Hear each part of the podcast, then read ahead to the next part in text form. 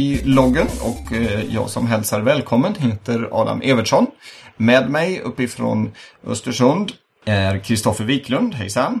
Ja, Övik, men eh, nästan. förlåt, förlåt. Örnsköldsvik ska det ju vara. Det var något på ö i alla fall. Ja, ja, ja. Jag tar inte illa upp.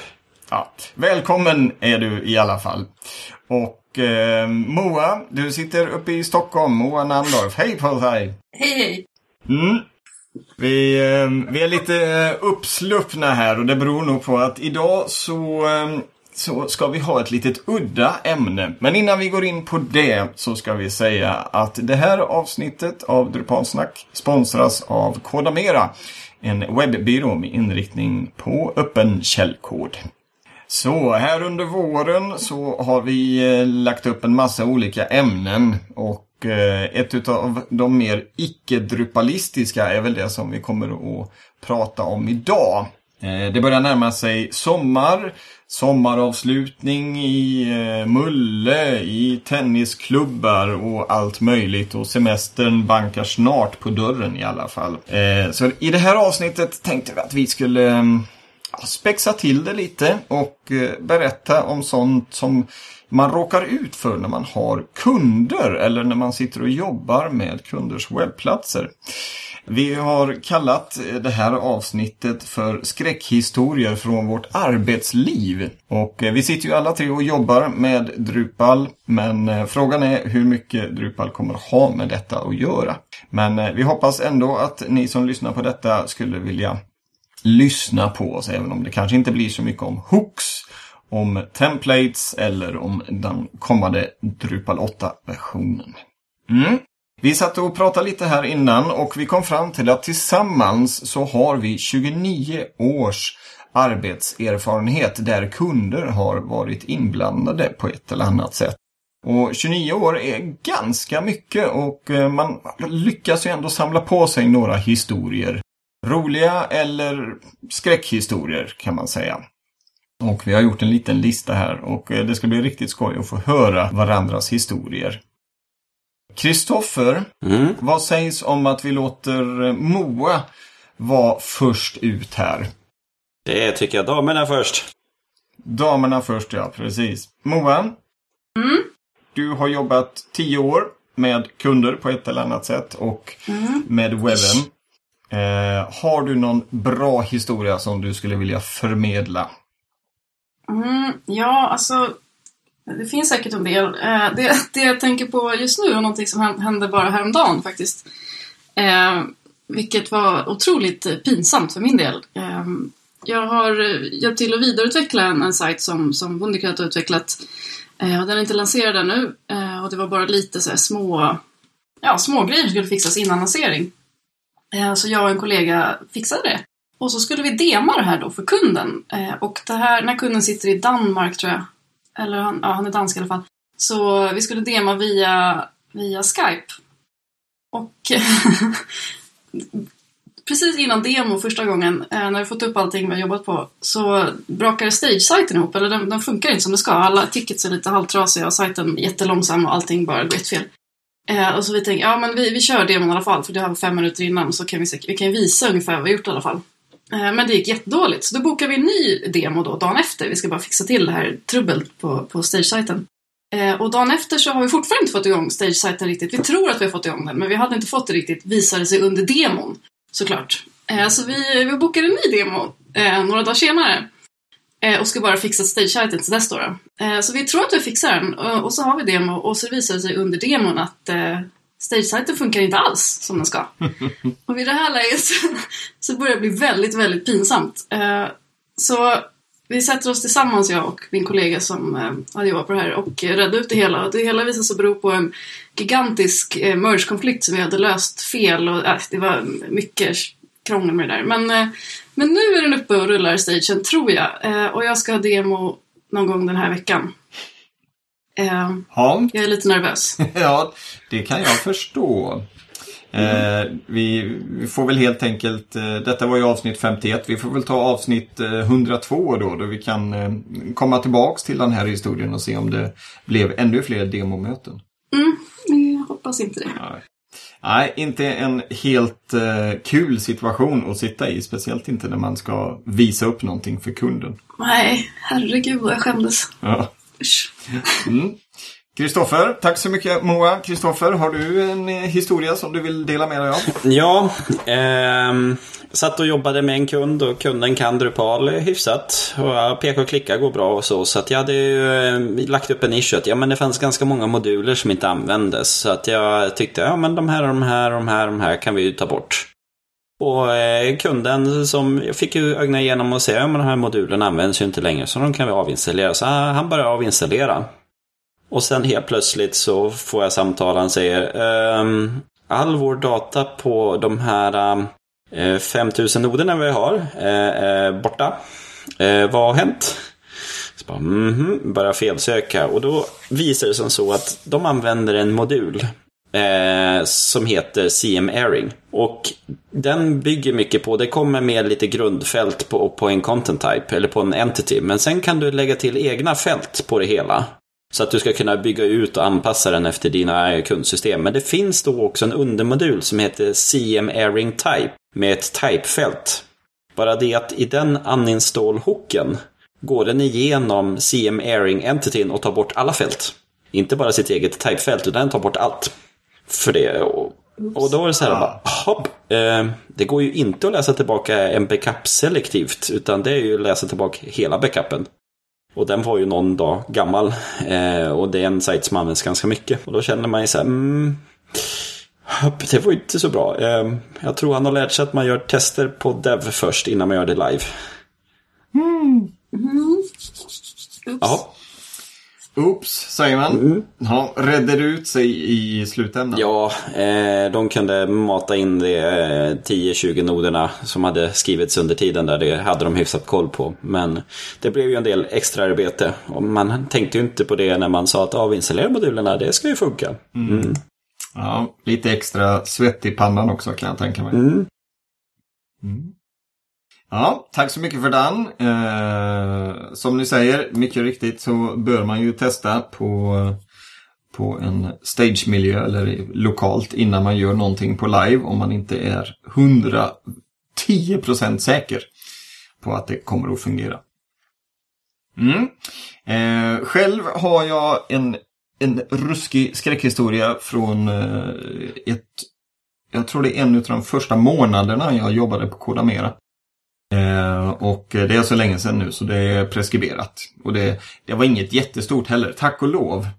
Jag råkade ha lite för många flikar uppe i min webbläsare när jag skulle göra ändringar på vår stagemiljö eh, åt en kund. Och eh, om jag minns rätt så var det att eh, ta bort saker från stagemiljön.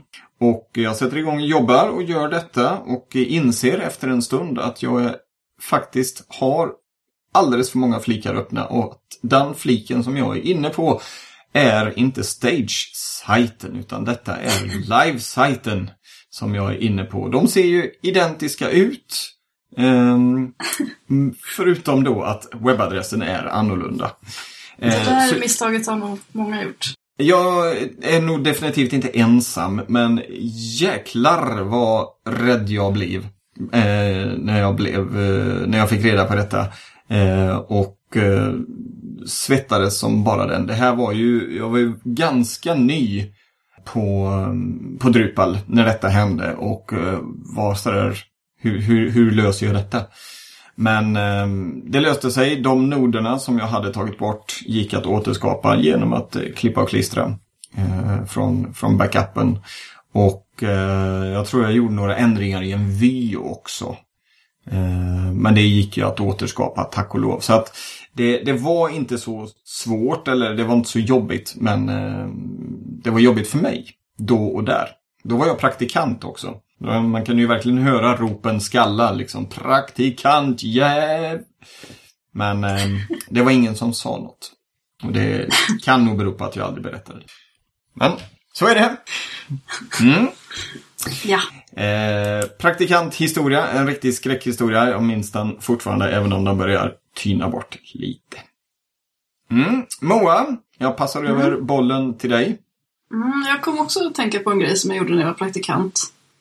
Eh, nu när du, när du tog upp det. Eh, jag praktiserade på Node One och skulle göra en ändring på en sajt som var, ja, det var en ganska liten ändring så jag gjorde den och så featureiserade jag den för sajten använde features.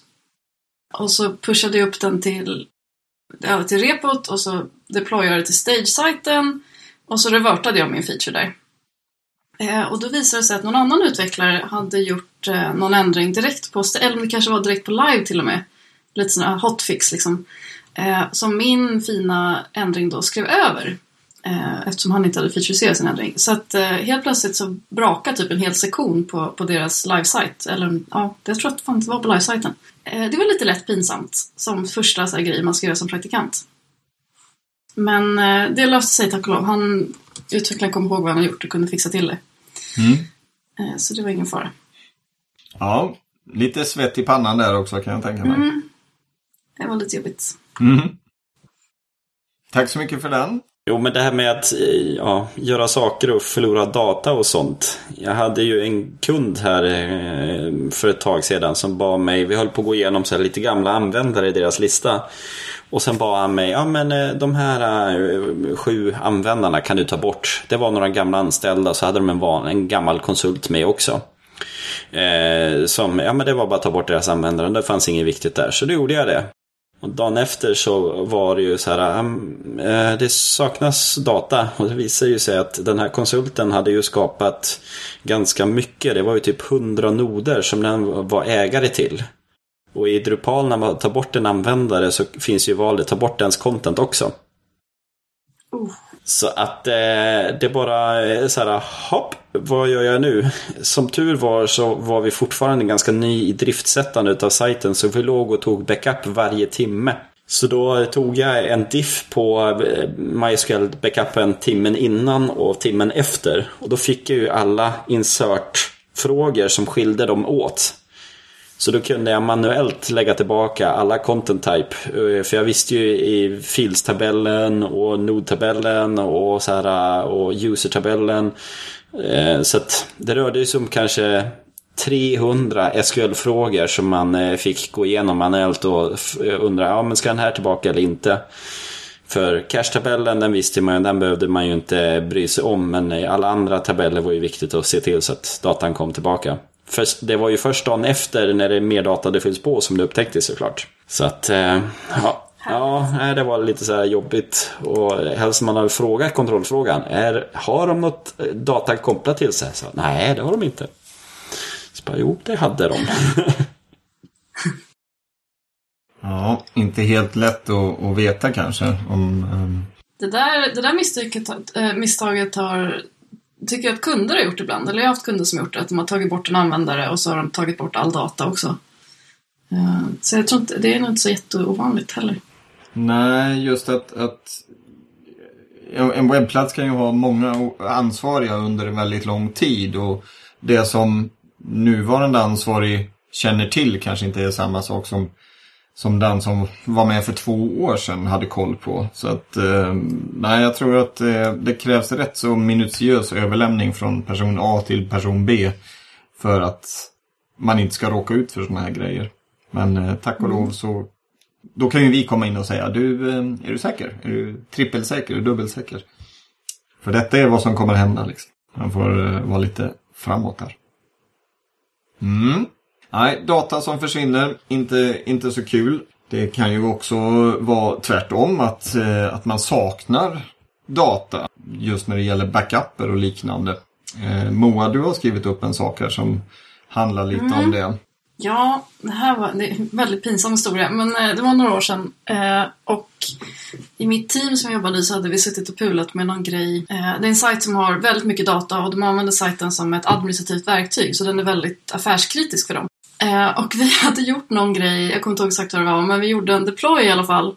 Och typ fyra timmar efter deployen så mejlar kunden lite försiktigt så och säger eh, Hej, det, det, saknas lite data på de här noderna. Eh, är det någonting ni håller på med nu eller? Eh, och när vi tittar efter så är det ju referenser. Jag tror jag för mig att det var referenser mellan noder som hade försvunnit. Och det var ju liksom inte fem noder utan det var ju så 3000 typ. Eller jag vet inte, det var jättemånga i alla fall. Mm. Och vi bara, åh helvete, det här måste vi ju, det här, det här går inte, vi, hitt, vi hittar inte vad felet var. Eh, så vi hade helt enkelt deployat felaktigt, alltså dålig kod. Och så jäkla hemskt. Och så, så visade det sig när vi skulle då göra en, eh, en revert av den här deployen att vi hade inte tagit någon backup precis innan deployen. Och varför vi inte hade gjort det är, förstod inte vi själva. Det var helt hål i huvudet. Eh, så vi alla började rota på våra maskiner och så det var någon som hade en backup som var gjord fyra timmar innan deployen, tack och lov, som man hade tagit liksom själv för sin egen dators skull, för sin lokala sites skull. Eh, så den kunde vi mata upp, eller lägga upp. Men då förlorade ju kunden ungefär åtta timmars arbete. Eh, och det är ju det är i princip en hel dags, ja, det är en hel dags arbete. Men han, han var så himla laid back så han sa typ att ja hoppsan, men det går bra, vi kan lägga upp det igen. Typ sju personer, en hel dags arbete. Mm. Eh, ja, det var lite hemskt. Ja. Nej, det är ju så farligt just när man inte tar backup eh, och håller koll på dem hela. Jag hade en kollega också som fick för sig att nej, men jag tar och installerar om datorn. Och så gjorde han det. Och sen hade han ju glömt bort att han just då så jobbade han i ett eh, projekt där han hade lagt över utvecklingen på sin egen sajt. Så kunden som var inne och skulle titta på en utvecklingssida låg ju på hans egna dator. För han tyckte det var enkelt att jobba lokalt. Och här bara, ja, Ja. eh, men du, nu saknar vi ju din sajt där. Det kanske inte var så smart det här ändå. Så bara, hopp, ja, mm. eh, vi hade väl någon och sen får du ta och se till att få igång din dator och eh, jobba. Oh shit. Aj, gud vad jobbigt. En av våra kunder låg på ett, eh, det ligger fortfarande på ett webbhotell i Nederländerna tror jag. Nederländerna eller Belgien. Riktigt varför vet jag inte, men eh, de ligger där i alla fall. Och eh, en dag så ringer de till oss och säger att du, det är något fel på sajten. Ja, mycket riktigt. Det visar ju bara en white screen of death och, och felmeddelanden till höger och vänster beroende på var man försöker komma in på sajten. Eh, Så vi tar kontakt med webbhotellet för vi inser ju att det är något som är snett. Och då visar det sig att de har haft en hårddiskkrasch, eller de är mitt uppe i en rejäl hårddiskkrasch.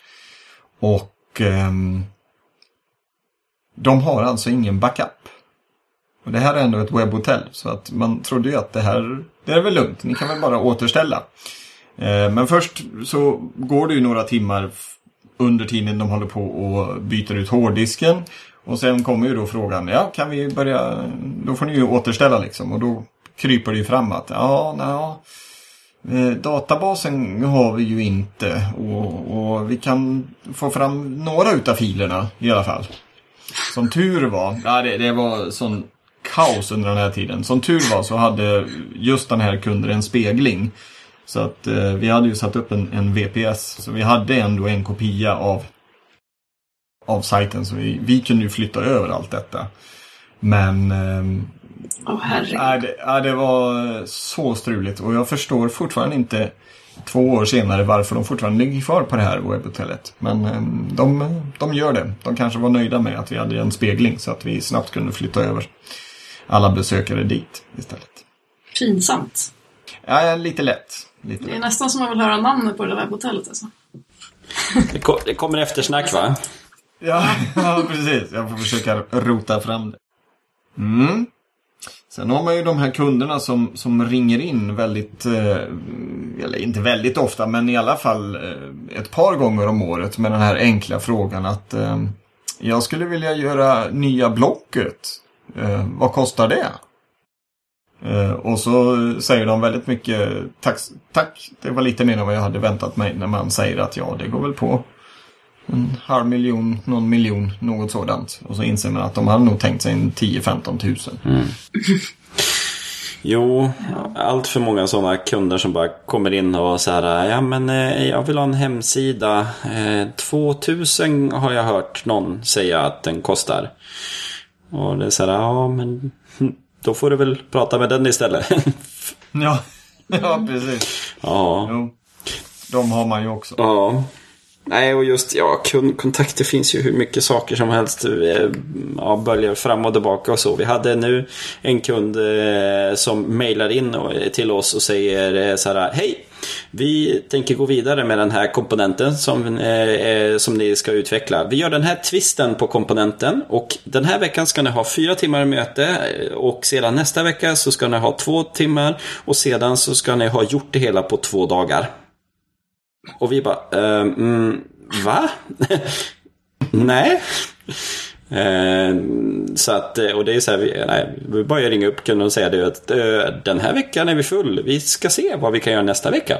Eh, vi, vi säger så. ja, vi, ja, jag känner igen det lite. Vi hade en kund som eh, hade grejer han ville fixa på sin sajt och lite buggar och sådär. Och han hade estimerat dem åt oss. Vilket ju var väldigt snällt. Så att, eh, ja. Det här ska ta två timmar, det här kommer ta fyra timmar och sådär. Och vi bara, nej, nej, kanske inte riktigt så. Men det var ju snällt. Jag menar, estimeringarna stämmer ju aldrig ändå. Så det var ju väldigt schysst av honom att göra det åt oss, kan man ju tycka. Men, men han, han eller hon, hen tog Hen. till lite i underkant kanske? Kan, ja, eh, det kan man säga. Det kan man säga. Aningens. Ja. Ja. Nej, det är, väl, det är väl mycket det alltså att när kunder som är förstå sig påar hör av sig och tycker att nej men det här går väl lätt. Det här, det här slänger du ju snabbt ihop. Eh, och man börjar fundera på att nej, så, så är det ju inte. Eh, jag hade en, en riktigt jobbig torsdag här för något år sedan. Där en kund behövde verkligen få ut information på webbsidan och det var viktig information. Jag förstår kunden i det här fallet. Men, eh, men de, de ringde verkligen vid lunch eller efter lunch och behövde få ut den här informationen ögonaböj.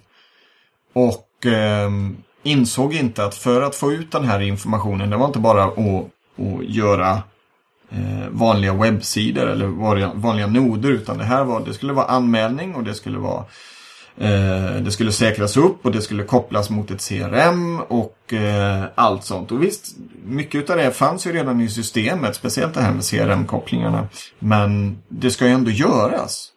Och i det här fallet så var det ju inte någon modul som gör, gjorde den här eh, kopplingen utan det behövdes ju skrivas kod. Så att det här var ändå ett, ett jobb som skulle ta upp mot en 20-24 timmar. Men han ger sig inte. Det här, det här måste göras nu. Eh, vi måste få ut informationen nu eh, och det måste ske nu. Imorgon har vi annons och då måste informationen vara ute och det ska funka. Och det är bara att lösa. Och man står verkligen där så, nej men alltså det går inte. Det här är ett jättestort jobb och vi kan inte klämma in det på en torsdag eftermiddag. 20 timmar går inte att få in på en eftermiddag. Och speciellt inte så här rakt upp och ner. Vi, vi har annat att göra, faktiskt. Det, det, det är så att vi sitter inte och väntar just på er. Det sa jag ju inte, men eh, Nej. man skulle ju vilja. Herregud.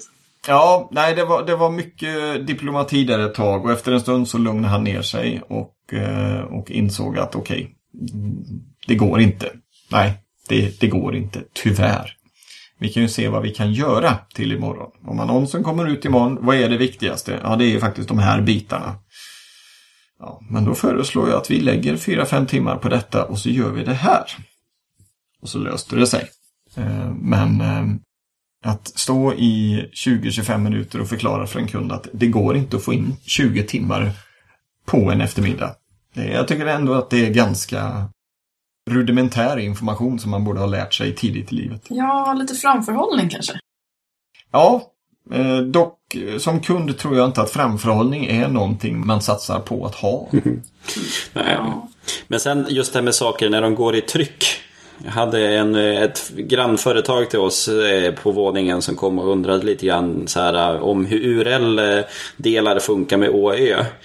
För eh, det var en reklambyrå, de hade varit med och tagit fram en affisch och där var URLen med med å, det, det var med ett ä typ någonting. Eh, jag minns inte exakt vad det var, typ sommarställen eller något sånt där. Slash sommarställen. Och, eh, och de så här, hade ju tryckt det hela och satt upp det hela och sedan så skulle det bara länkas in med ett eh, URL-alias.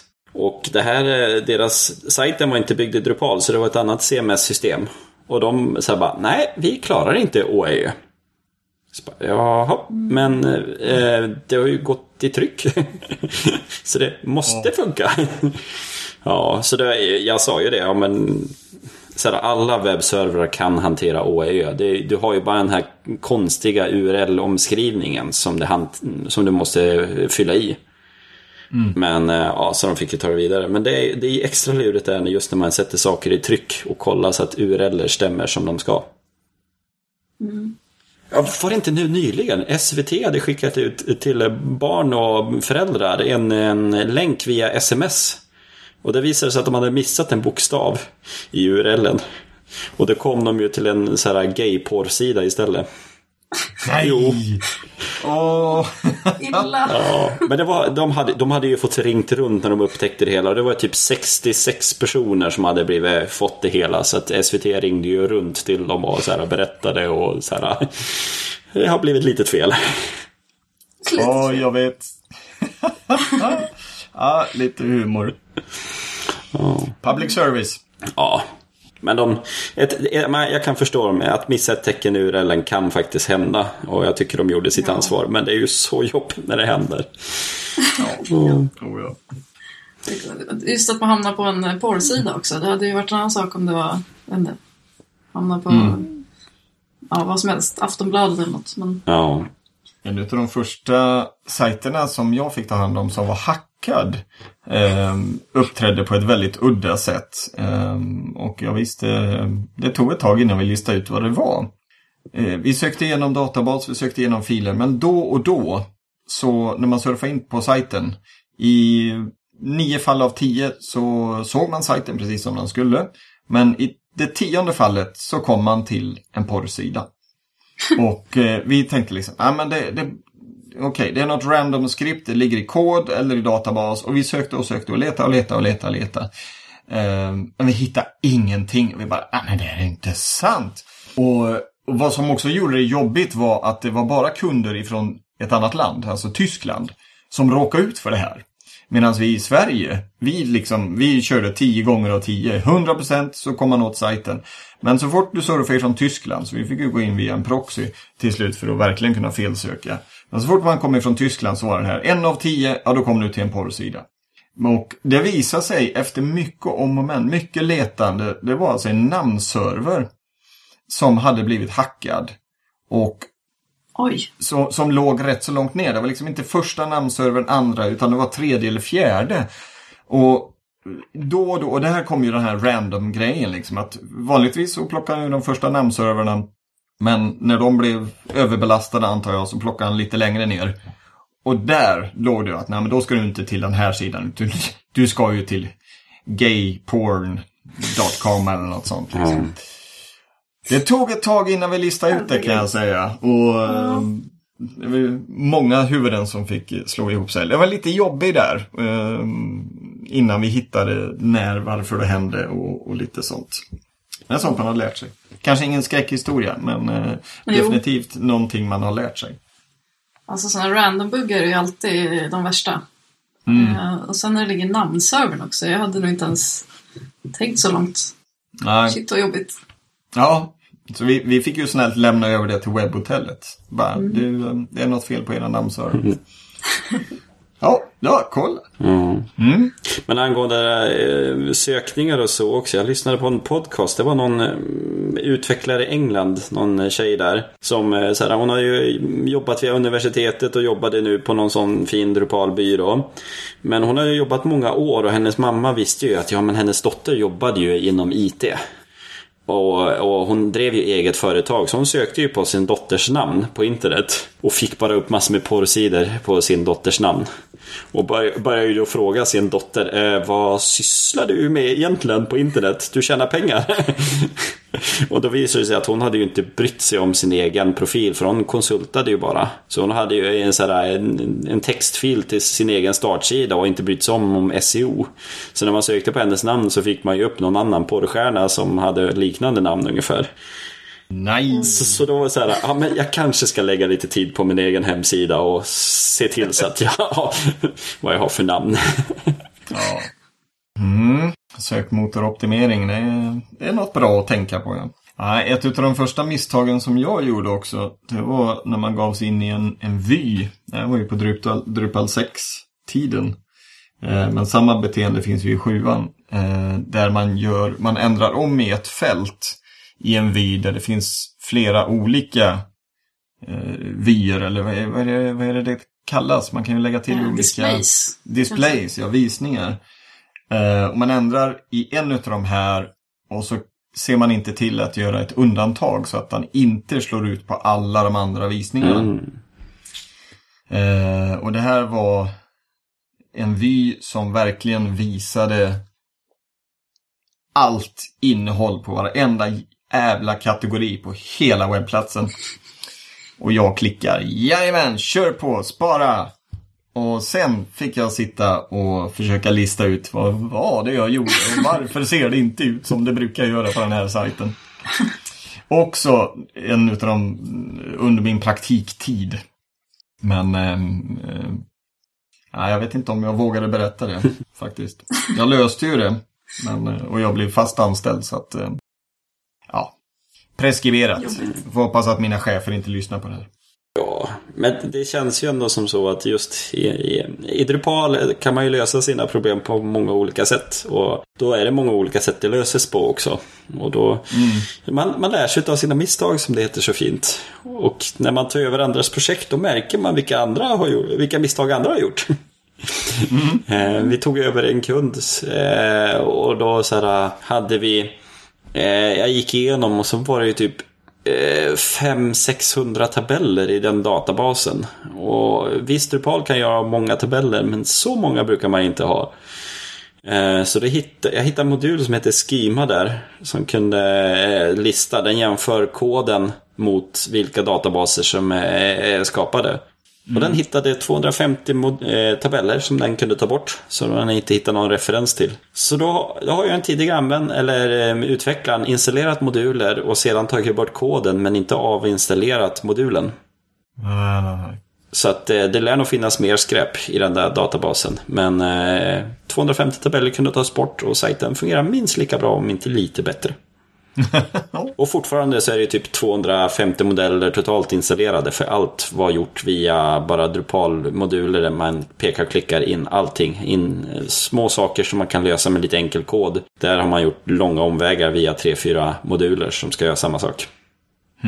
Oj.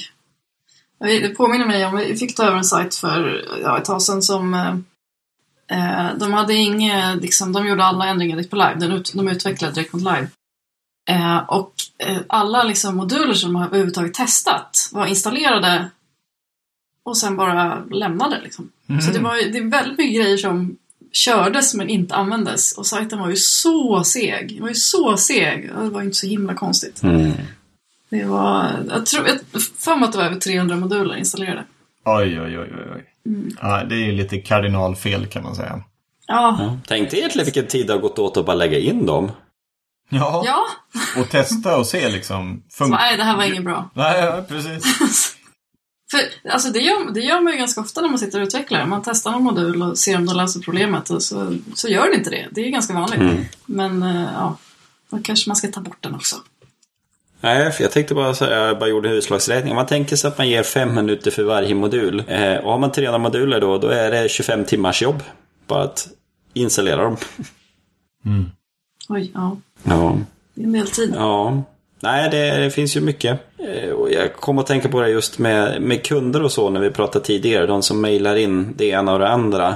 Där, där har man ju sina kunder som har, har svårt att prioritera tid eh, och kan sätta värde för ett, eh, ett, ett planeringsmöte. Det kan man alltid boka in och det spelar ingen roll om det är sex timmars planeringsmöte eller om man har veckor med planeringsmöten. Men sen när man säger ja men då den här funktionen, en- det är ungefär en, en, en timmes utveckling att fixa ordning det hela.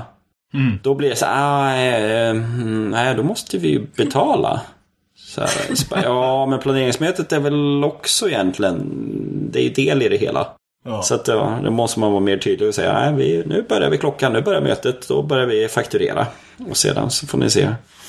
Och just det här med att ja, de kan lägga 20 timmar men lägga en timme på att ta bort de 20 timmarnas ständiga arbete. Det, det har man inte råd med för man, sin egen tid kostar ju inte.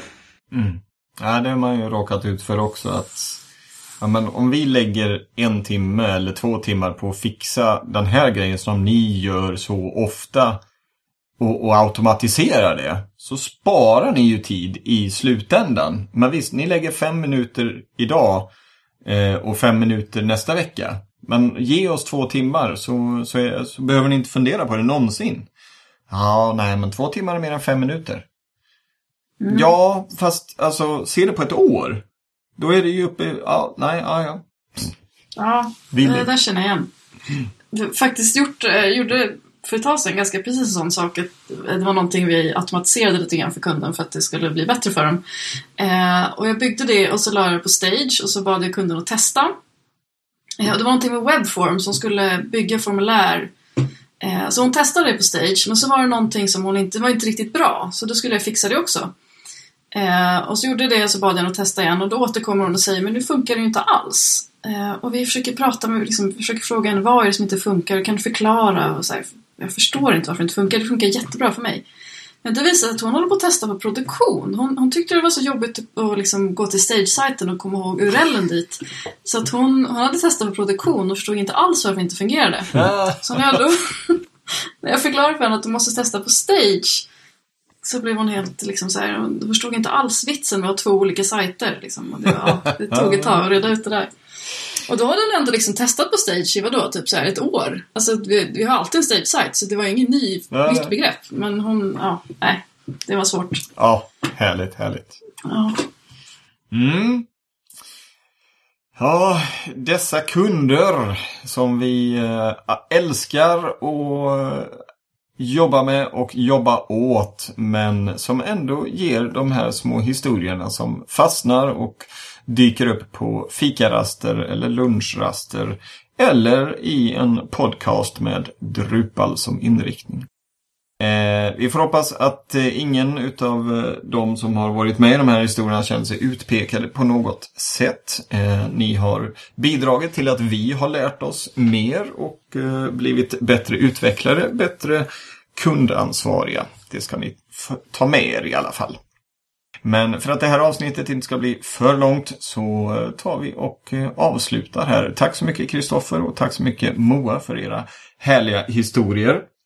Och eh, vi får väl också uppmana till våra lyssnare att eh, hoppa in på drupalsnack.se och berätta era skräckhistorier eller roliga historier eh, i vårt eh, kommentarsfält. Det är alltid kul att eh, få höra. Men eh, undvik att nämna namn, företagsnamn eller kundnamn eller sådant. Håll det till anonyma historier så att säga.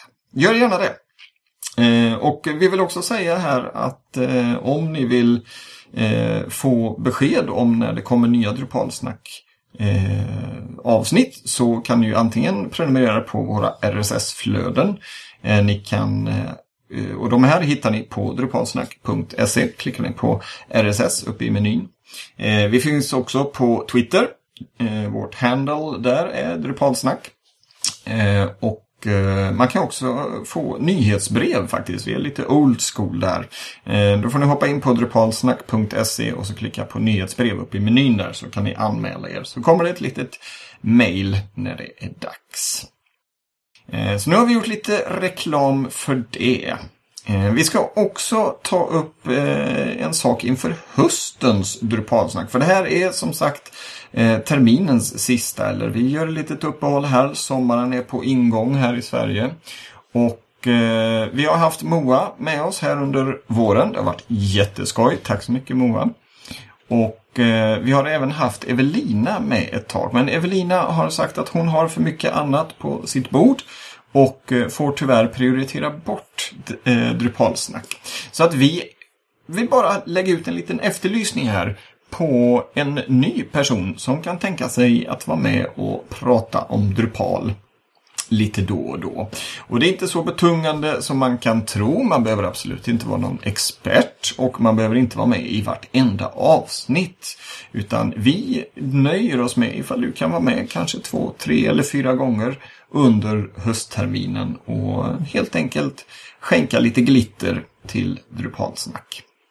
Eh, så att om ni skulle vara intresserade så ta och hoppa in på drupalsnack.se och eh, skicka ett litet mejl från vår kontaktsida till oss och säg att du är intresserad. Så sitter vi och väntar vid våra mejllådor. Med det så tror jag minsann att det är dags att avrunda eh, vårt Drupalsnack nummer 51. Har jag glömt något, Kristoffer Moa? En trevlig sommar mest. Ja. Ja. ja. Önska alla våra lyssnare en glad och trevlig sommar. Så dyker vi upp igen fram i augusti, september någonstans där när industrisemestern är över. Då brukar vi hoppa igång igen. Så eh, håll koll på Twitter, eh, prenumerera på vårt nyhetsbrev eller ha börjat prenumerera på våra RSS-flöden så ser ni när vi börjar vinka till er via podcasten här igen. Eh, vi ska avsluta detta då genom att säga att det här avsnittet sponsrades av Kodamera, en webbyrå med inriktning på öppen källkod. Och så får vi helt enkelt säga tack så mycket för den här terminen. Ha en trevlig sommar och hej då! Hej då!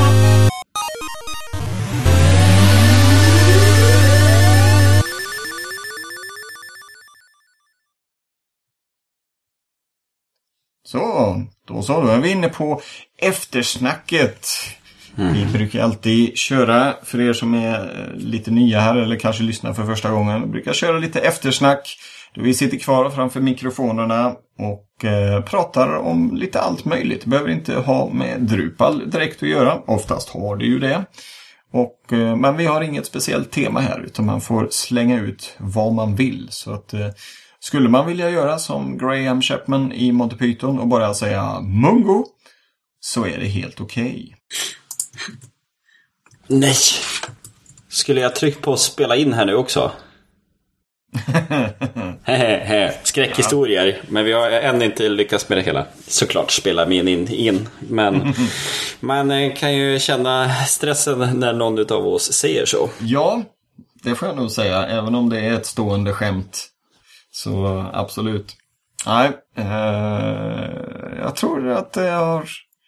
Det är några få gånger som det har strulat med inspelningarna. Det har varit något... Jag vet att min första dator, så fort jag hade strömkabeln inkopplad så var det alltid ett litet bzzz i bakgrunden som var svårt att få bort. Det tog ett tag innan vi insåg vad det var.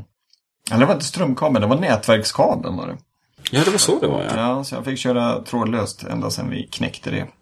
Spännande. Mm. Lite rundgång har det varit någon gång också. Men eh, annars får man säga att det har varit eh, relativt problemfritt att redigera de här poddarna, får jag säga. Man har gjort några stycken här. Vi turas om liksom att, eh, att redigera. Vilket är trevligt. Mm. Mm. Är det någon av er som har sett, nu byter jag ämne totalt här, men eh, jag såg just en eh, är det någon, någon av er som varit inne på bloggen devopsreactions.tumblr.com? Mm, jodå. Nej. Mm. DevOpsReactions på Tumblr. Ja. Det är riktigt kul. Ja, det finns en här, den, ja, om man går in på startsidan så den tredje uppifrån. Så står det The service is broken for no apparent reason 10 minutes before the presentation. Det var precis så här jag har känt mig under att se de här jäkla, oj, får man inte säga så? De här eh, demosen jag försökt vara den här kunden i Danmark. Ja. Precis sådär. eh, stackars VK får betala massa datorer. Dyrt. ja, jag kan... Uh, I can relate. Kan man ju ja. säga. Den ska vi, vi tar med den i våra show notes här också så att alla får se den. Lite rage eh, på, mot eh, datorer, det har man ju varit med om. Speciellt när man är mm. stressad och den plötsligt får för sig att nej men nu tar jag och går väldigt långsamt. Ja, eller startar om mitt upp i alltihopa. Ja. Mm. Man är starta om, är inte det, nu, nu kanske jag har fördomar här, men är inte det mer liksom Windows-maskiner som gör sånt? Jo, det skulle jag nog säga. Ja. Det, eh, eller i alla fall tidigare. Um, sen jag bytte upp mig till Windows 7 och Windows 8.1 så får jag nog säga att de, de löper mycket, mycket smidigare. Eh, men mm. tidigare versioner, 95, 98, absolut. XP eh, och Vista, de kunde ju plötsligt få för sig att kanske inte starta om, men i alla fall ge den här fina blå skärmen. Mm. Härligt. Sjuan och 8.1 eh, har jag väldigt få blåskärmar på. Tack och lov. Nu kommer du få en bara för det. ja, precis. Ja, nu sitter jag ju på macken och spelar in, men eh, PCn är igång här vid sidan om. Han drog igång lite säkerhetsuppdateringar nyss. Mm. Nej, jag, det är sällan jag får några blåskärmar på min Windows också. Men sen så eh, gör man ju inte egentligen så mycket på kontoret. Man fjärrstyr ju och kör eh, Aptana och redigerar filer i. Sen gör man ju inte så mycket mer. Chrome kan ju hänga sig ibland. Men Jag har faktiskt haft en del, jag kör ju Mac också, men jag har faktiskt haft en del kernel panics eh, sistone. Okej. Det är intressant. Det mm, vet jag inte riktigt var de kommer ifrån. Men det är också just, man sitter mitt i någonting och så helt plötsligt så bara dör datorn. Mm. Ja, frustration. Mm. Apropå frustration och kunder. Eh, vi har en kund som, eh, som vill ha Drupal 8.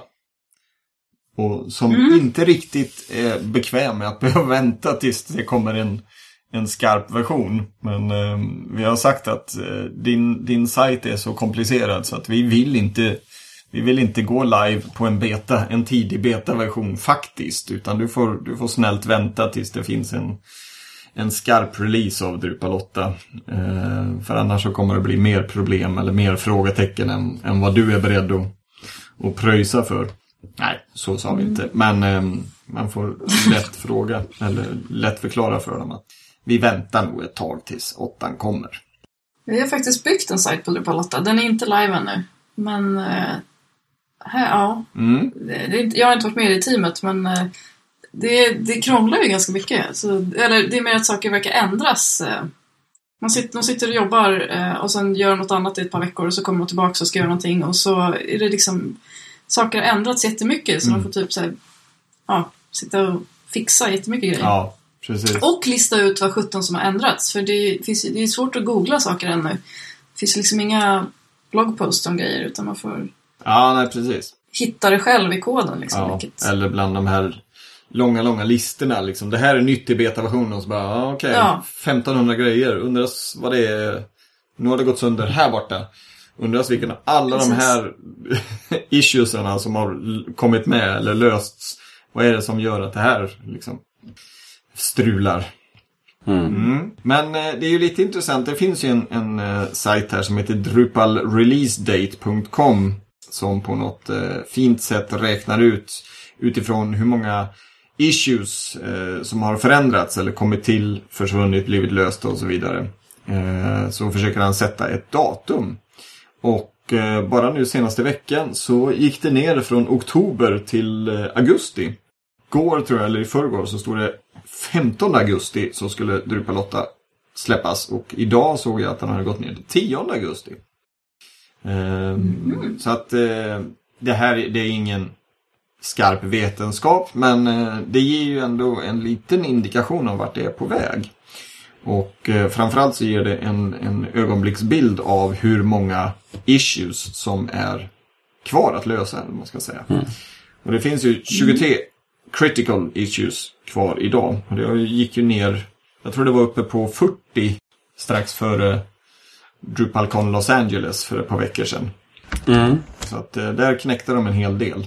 Alfred, ja, I alla fall innan eh, DrupalCon eh, Los Angeles så jobb, jobbar de ju igenom Ishikön och fixar ordning ganska mycket där. Ja, just det. För att det skulle vara lättare att hjälpa till Ja, under själva eh, DrupalCon. ja. Såklart. ja, det har varit nere på 20 critical. Nu är det faktiskt 25 om man går... eh, Det finns en annan sajt också som heter eh, på drupal.org som heter Get Involved.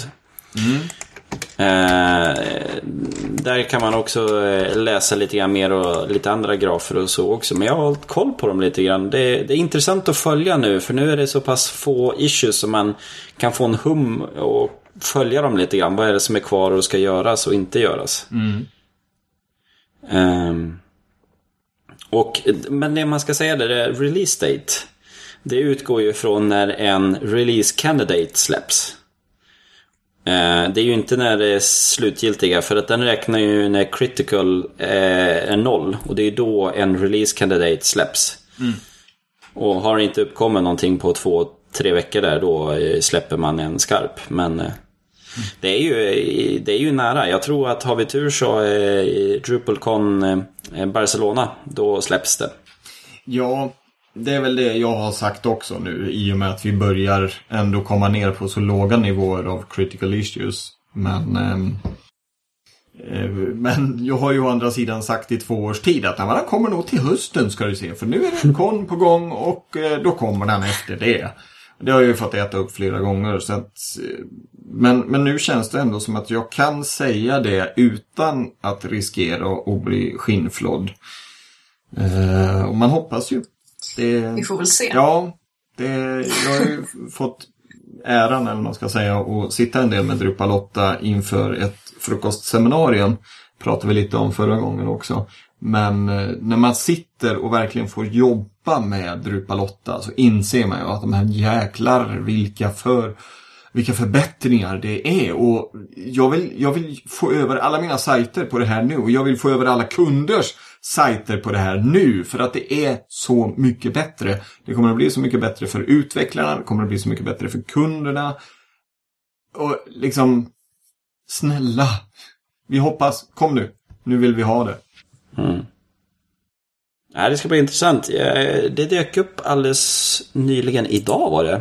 Dök det upp ett eh, Drupal 8 Security Bug Bounty Program. Get paid to find security issues on D8. Mm-hmm.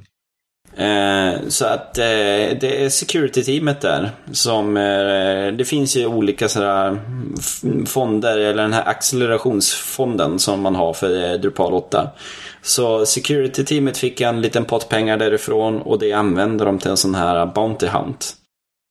Eh, så eh, man kunde få 50 till 1000 dollar per issue. Och sen har de massor med kriterier om eh, vad, vilka som gäller och vad det ska vara för någonting. Men jag tycker det är kul.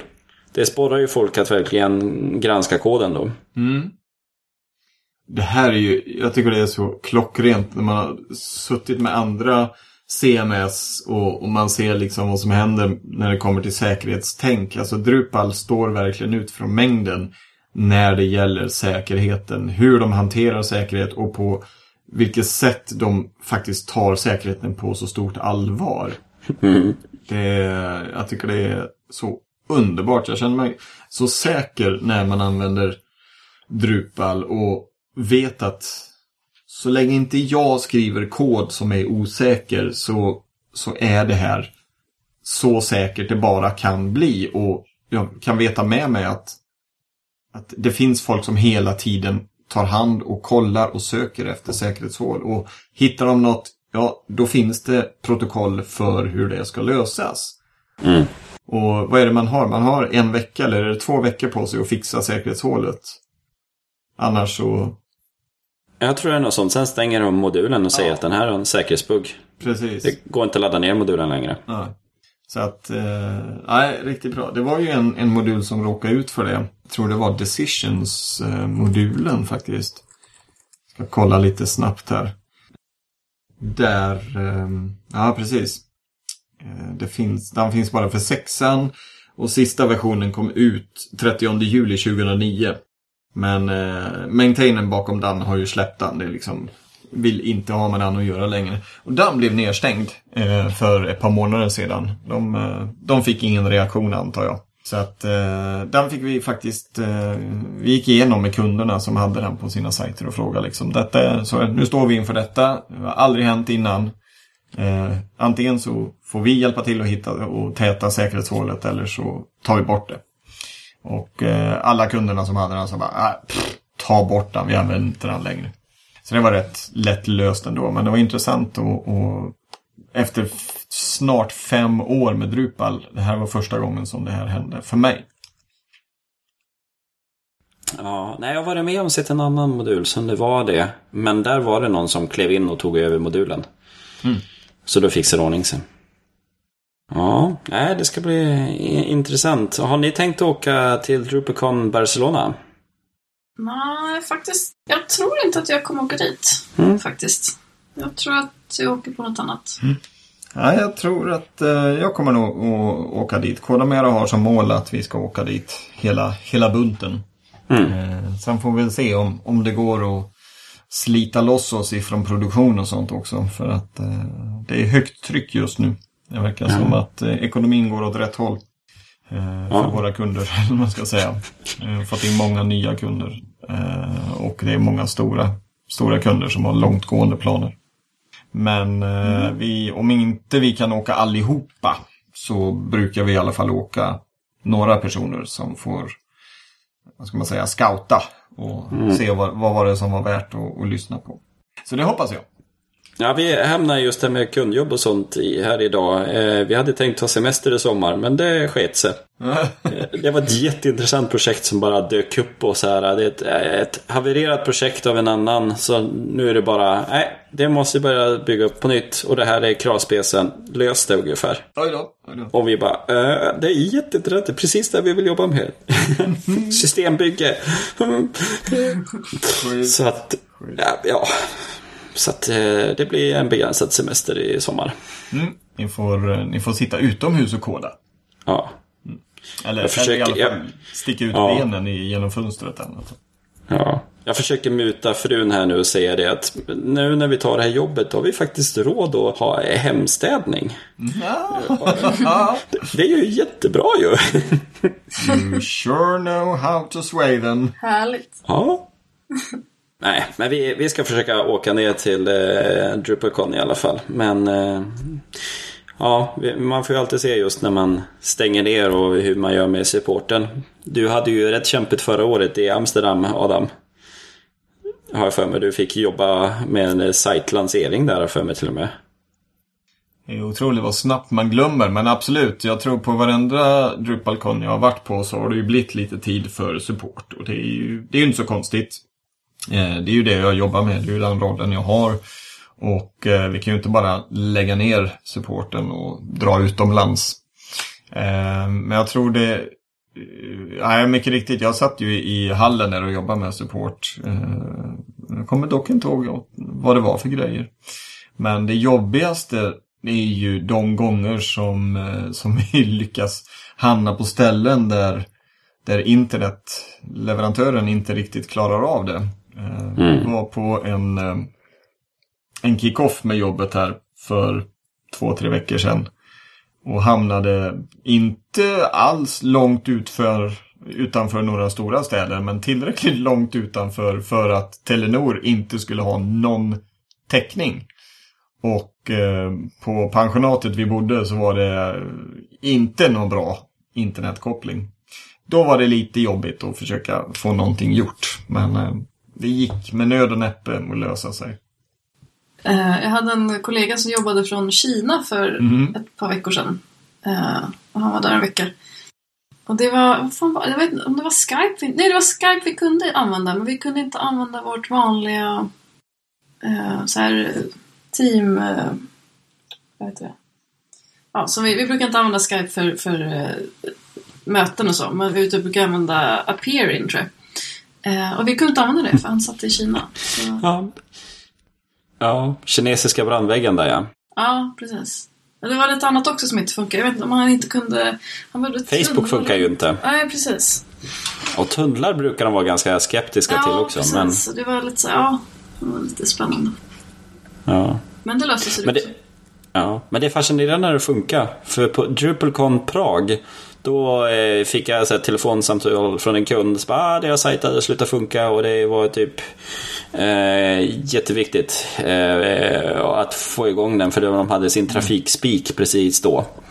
Så då var jag och eh, kollegan och var och gick på Prags gator och sen så bara, ah, men du, här hittar vi ett café som har ett öppet internet. Vi står här i gången och sen har vi telefonen. Och så här, eh, hade SSH-klient på telefonen. Och kunde SSH in på maskinen och se att den är ju toklastad just nu. De har verkligen trafikspik och vi måste eh, ge den mer resurser. Så då kunde vi ju, det var ju en VPS så det var ju logga in på VPS-leverantörens hemsida och bara trycka in dubbla minne, dubbla, eller eh, dubbla alla resurser ungefär. Och då så här, ja, då släppte ju proppen och då kom ju allting igång. Och det var väl så här bara, oh, nej, men då är det fixat där då. Ja. Det där påminner mig om någon gång. Jag hade en, eh, en pytteliten kund. Det här var innan jag började jobba professionellt. Eller precis när jag hade börjat eller någonting. Ehm, och så sitter jag på teater av alla ställen. Och får ett mess om att någonting ligger ner eller någonting var fel eller något sånt där. Och då laddade jag också ner. Jag laddade ner en SSH-klient och en FTP-klient till mobilen. eh, Och loggar in och uppdaterar CSS via mobilen. Det var asjobbigt. och så pushar jag liksom eh, upp, laddar upp det via FTP för det jag fick inte igång, alltså SSH-klienten funkar inte riktigt eller jag hade väl fel inställningar eller någonting. Eh, under teaterföreställningen. Det var ganska, ganska spännande. Ja, häftigt, häftigt. Att man kan göra så nu för tiden. Och eh, det blir ju snabbare internet överallt. Så att det här är väl någonting som våra barn kom- bara kommer att skaka på huvudet åt. Ja, ni skulle varit med på min tid. Modem 33.6, herrejösses. Men det är ändå kul när ens föräldrar tar till sig tekniken. Min pappa har ju tagit till sig internetbanken i telefonen. Så att eh, han var ju och köpte en släpvagn. Eh, såhär, och då stod han ute med kunden ute i vischan där för han har ju köpt en. De var ute vid någon båthamn då. Och sen så ah, men du, har du, har du Swedbank? Så jag bara, "Ja, ja, ja. Då tar han upp mobilen och så har han sin, eh, sin bror där med, min farbror, och- som står bredvid och tittar. Och då pappa han bara, ja, vad knappar in de pengarna? Ja, var det 10 000 för släpvagnen och sen så skrev in. Nu kan du titta på din bank.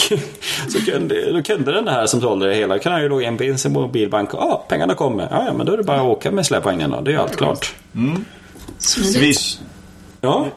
Så då blev min farbror väldigt så här. Mm, ja, jo men Swish, jag håller på att lära honom det också. Snacka om att, att faktiskt produkten är bra och funkar och en, en, antagligen en grej som om, om 10-15 år så kommer alla säga jag swishar över det fast det, het, då, het, då är det något annat som har kommit men allt får heta swish.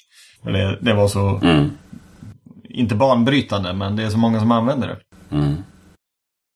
Det är ju det att det kommer ju från Afrika, just den här tanken. Men då har du ju haft att du skickar sms med betalningar. Och du har som eh, du gör med mobila betalningar och så har du mobilbanker. Där du kan ta ut pengar genom att skicka sms och så. Det visste jag inte. Det är väldigt fascinerande. Ja, nej, men de, de är ju egentligen före oss på sådana saker. Men de har ju inte samma möjligheter, så allting är ju lite primitivt. Men eftersom de inte har riktiga banker där så var det ju här det som funkade. Mm. Häftigt, häftigt. Ja, Vi hade after work för någon vecka sedan och då var det så här, alla frågade ju hon som anordnade det hela. Ja, ah, men då har du tagit Swish va? Så bara, nej, du kan få mitt bankkontonummer här. Eller betala kontant. Så det slutade med att, eh, jo det var jag, jag tog och blev proxy. Så de fick swisha till mig så tog jag och satte över pengarna sen.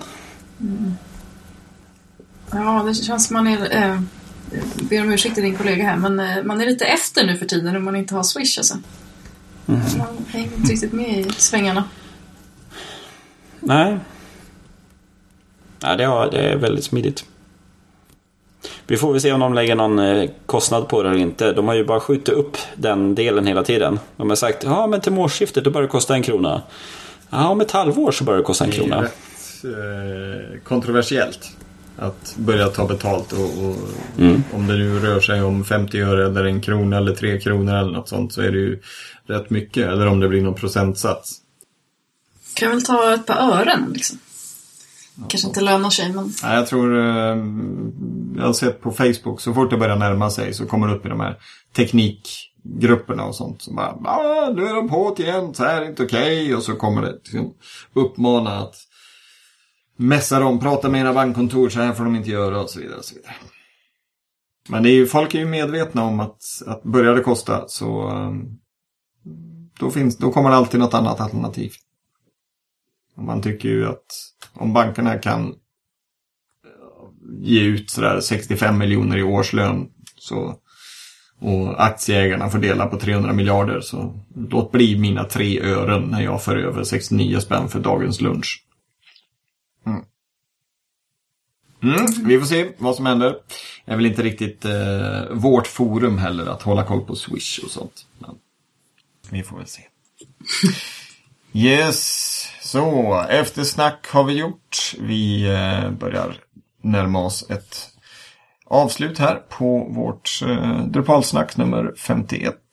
Eh, tack så mycket för den här terminen, skulle jag vilja säga. Det har varit eh, många trevliga ämnen och vi tre, Kristoffer, Moa och Adam, vi hörs igen i höst. Så att eh, håll koll på Twitter, RSS eller din mailbox om du har anmält dig till vårt nyhetsbrev. Och eh, Kristoffer, Moa, ha en jättetrevlig sommar skulle jag vilja säga. Detsamma. Detsamma. Och jobba inte ihjäl dig nu Kristoffer utan passa på och njut lite av sommaren också uppe i Örnsköldsvik. Ja, men jag kanske kommer ner till Göteborg ska du säga. Jag har ju släkten nere så då får vi ta och hälsa på. Det får du göra. Och, Kanske Stockholm också Moa, så då får jag hålla kontakt med dig också. Gör det. Bra där. Då har, vi, då har vi planerat in någonting. Det var väldigt trevligt. Ja, Och för er som inte åker till eller från Örnsköldsvik, till från Stockholm eller till från Mölnlycke här utanför Göteborg så får ni också ha en riktigt trevlig sommar. Hoppas att solen lyser på er och att myggen angriper grannens ben istället för era. Så säger vi ha det gott, hej då! hej då! Hej då.